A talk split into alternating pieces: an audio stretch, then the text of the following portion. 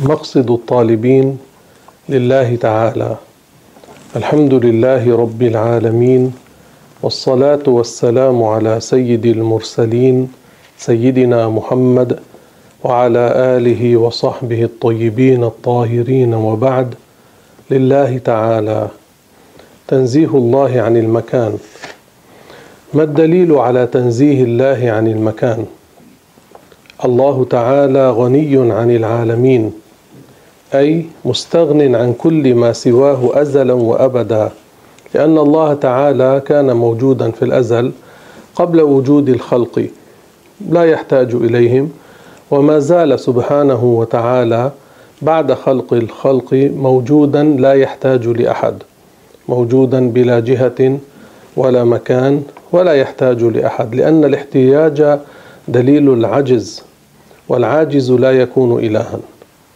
فلا يحتاج إلى مكان يتحيز فيه أو شيء يحل به أو إلى جهة لأنه ليس كشيء من الأشياء. ليس حجما كثيفا. الحجم الكثيف ما يضبط باليد ما يمسك باليد. كالإنسان والشجر والحجر والأرض. والحجم اللطيف ما لا يضبط باليد لا يمسك باليد. كالنور والروح والجن والملائكة. ولا حجما لطيفا. الله تعالى خالق الأحجام الكثيفة. وخالق الأحجام اللطيفة فليس حجما بالمرة سبحانه وتعالى. والموجود في مكان أو جهة يكون حجما إما لطيفا وإما كثيفا. النور الشمس لا يغطي كل الأرض.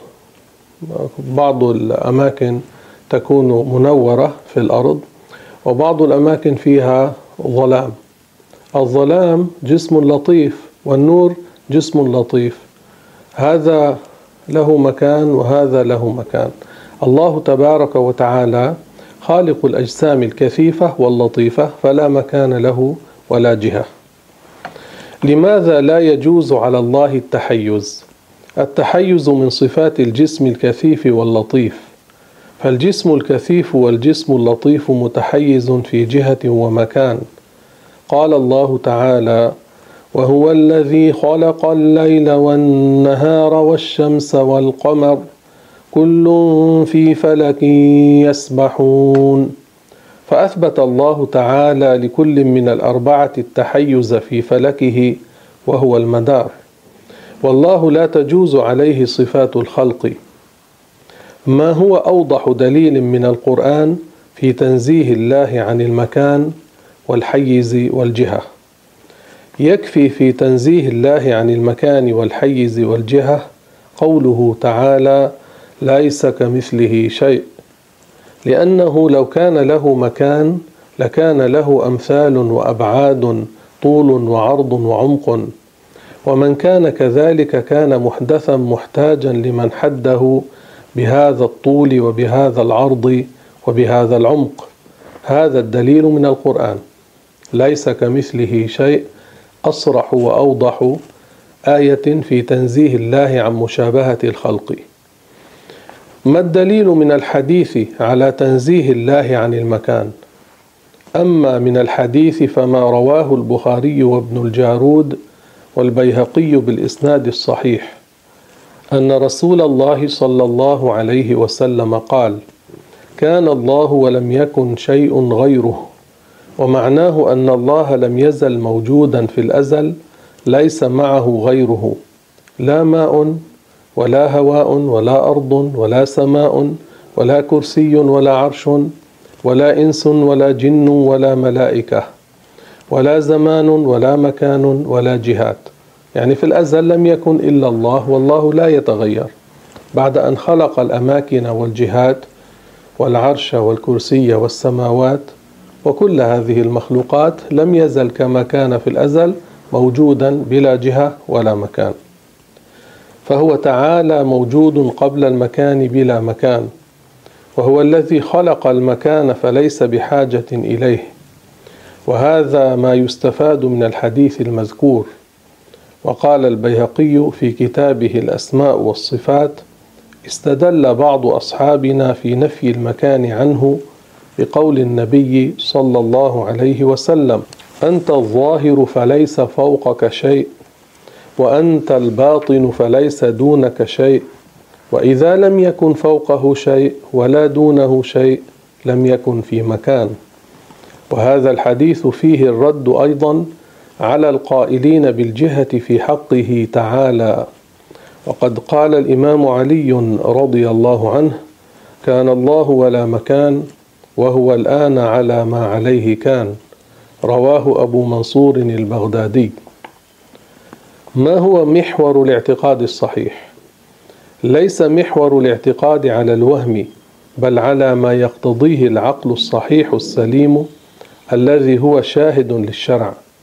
وذلك أن المحدود محتاج إلى من حده بذلك الحد فلا يكون إلها.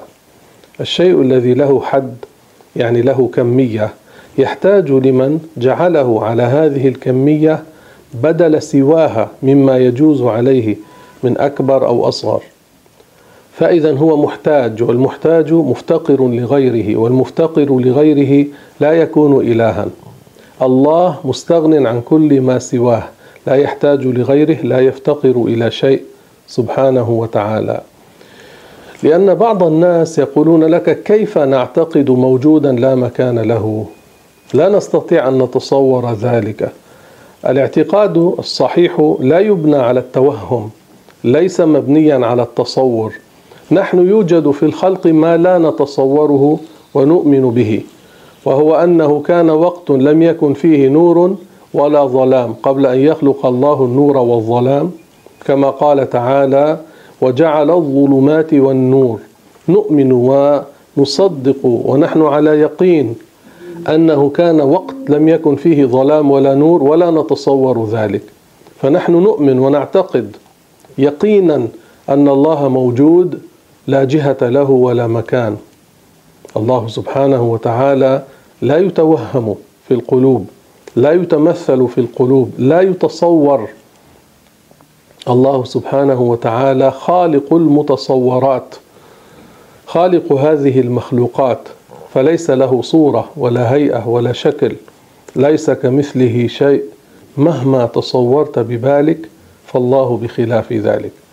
فيقال لهذا الإنسان كما اعتقدت وصدقت وعلمت أن الله كان موجودا قبل خلق المكان والجهات بلا مكان ولا جهة كذلك تعتقد وتصدق وتوقن أنه ما زال موجودا بلا مكان ولا جهة بعد خلق هذه المخلوقات. ما الدليل العقلي على تنزيه الله عن المكان؟ كما صح وجود الله تعالى بلا مكان وجهة قبل خلق الأماكن والجهات فكذلك يصح وجوده بعد خلق الأماكن بلا مكان وجهة. وهذا لا يكون نفيا لوجوده تعالى كما زعمت المشبهة والوهابية وهم الدعاة إلى التجسيم في هذا العصر. ما حكم من يقول الله تعالى في كل مكان؟ حكم من يقول إن الله تعالى في كل مكان أو في جميع الأماكن التكفير إذا كان يفهم من هذه العبارة أن الله بذاته منبث أو حال في الأماكن. أما إذا كان يفهم من هذه العبارة أنه تعالى مسيطر على كل شيء وعالم بكل شيء فلا يكفر. وهذا قصد كثير ممن يلهج بهاتين الكلمتين. ويجب النهي عنهما على كل حال لأنهما ليستا صادرتين عن السلف بل عن المعتزلة ثم استعملهما جهلة العوام. يعني لا يقال الله موجود في كل مكان ولا يقال الله موجود في كل الوجود. يقال الله موجود بلا مكان ولا جهة سبحانه وتعالى. لكن جرت على ألسنة كثير من العوام. فينظر إلى ما يفهمه الشخص الذي يقول الله موجود في كل الوجود أو موجود في كل مكان إن كان يفهم أن الله حال منبث في كل مكان فهذا كفر. أما إن كان يفهم أن الله عالم بكل مكان لا تخفى عليه خافية فلا يكفر لكن هذا اللفظ لا يجوز. ما تعريف المكان؟ المكان هو الفراغ الذي يشغله الحجم والحجم مخلوق فإذا مستحيل أن يكون الله في مكان أو في جميع الأماكن. لأنه ليس حجما لأن الله خالق الأحجام وكل شيء عنده بمقدار. فكيف يكون حجما كخلقه؟ لا يجوز. لماذا نرفع أيدينا إلى السماء في الدعاء؟ لأن بعض الناس يتساءل إذا كان الله ليس ساكنا السماء لما نرفع أيدينا إلى السماء عند الدعاء؟ ونرفع الأيدي في الدعاء للسماء لأنها مهبط الرحمات والبركات. وليس لأن الله موجود بذاته في السماء كما أننا نستقبل الكعبة الشريفة في الصلاة لأن الله تعالى أمرنا بذلك وليس لأن لها ميزة وخصوصية بسكن الله فيها ويكفر من يعتقد التحيز لله تعالى أو يعتقد أن الله شيء كالهواء أو كالنور يملأ مكانا أو غرفة أو مسجدا. ونسمي المساجد بيوت الله لا لأن الله يسكنها بل لأنها أماكن معدة لذكر الله وعبادته. ويقال في العرش إنه جرم جسم أعده الله ليطوف به الملائكة كما يطوف المؤمنون في الأرض بالكعبة. وكذلك يكفر من يقول الله يسكن قلوب أوليائه إن كان يفهم منه الحلول. ما المقصود من معراج الرسول صلى الله عليه وسلم؟ لأن بعض الناس يقول إذا كان الله ليس ساكنا السماء وليس ساكنا العرش لما عرج بالرسول إلى السماوات العلى وما فوقها؟ ليس ليقابل الله كما يزعم المشبهة المجسمة. لا ليس المقصود بالمعراج وصول الرسول إلى مكان ينتهي وجود الله تعالى إليه ويكفر من اعتقد ذلك. إنما القصد من المعراج هو تشريف الرسول صلى الله عليه وسلم بإطلاعه على عجائب في العالم العلوي وتعظيم مكانته صلى الله عليه وسلم ورؤيته للذات المقدس بفؤاده من غير أن يكون الذات في مكان وإنما المكان للرسول.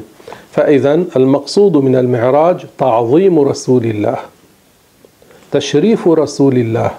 صلى الله عليه وسلم. الله تعالى جمع له ثمانية من الأنبياء في السماوات استقبلوه ورحبوا به.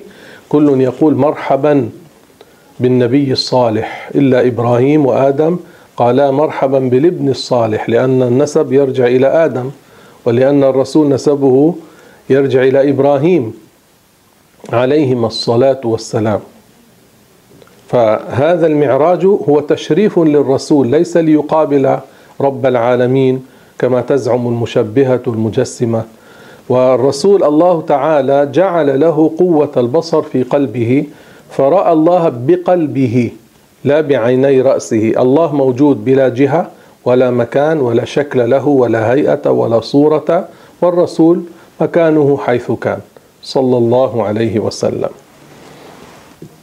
ما معنى قوله تعالى ثم دنا فتدلى فكان قاب قوسين أو أدنى. أما قوله تعالى ثم دنا فتدلى فكان قاب قوسين أو أدنى فالمقصود بهذه الآية جبريل عليه السلام حيث رآه الرسول صلى الله عليه وسلم بمكة بمكان يقال له أجياد.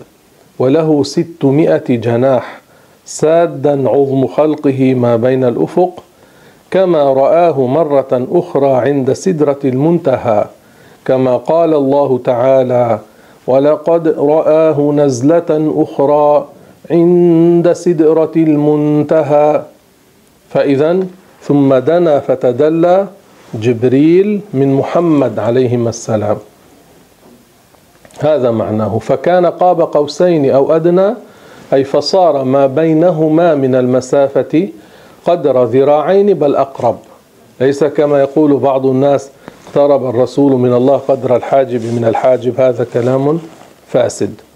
الله تبارك وتعالى منزه عن الجهة والمكان والقعود والجلوس والاستقرار والحركة والسكون.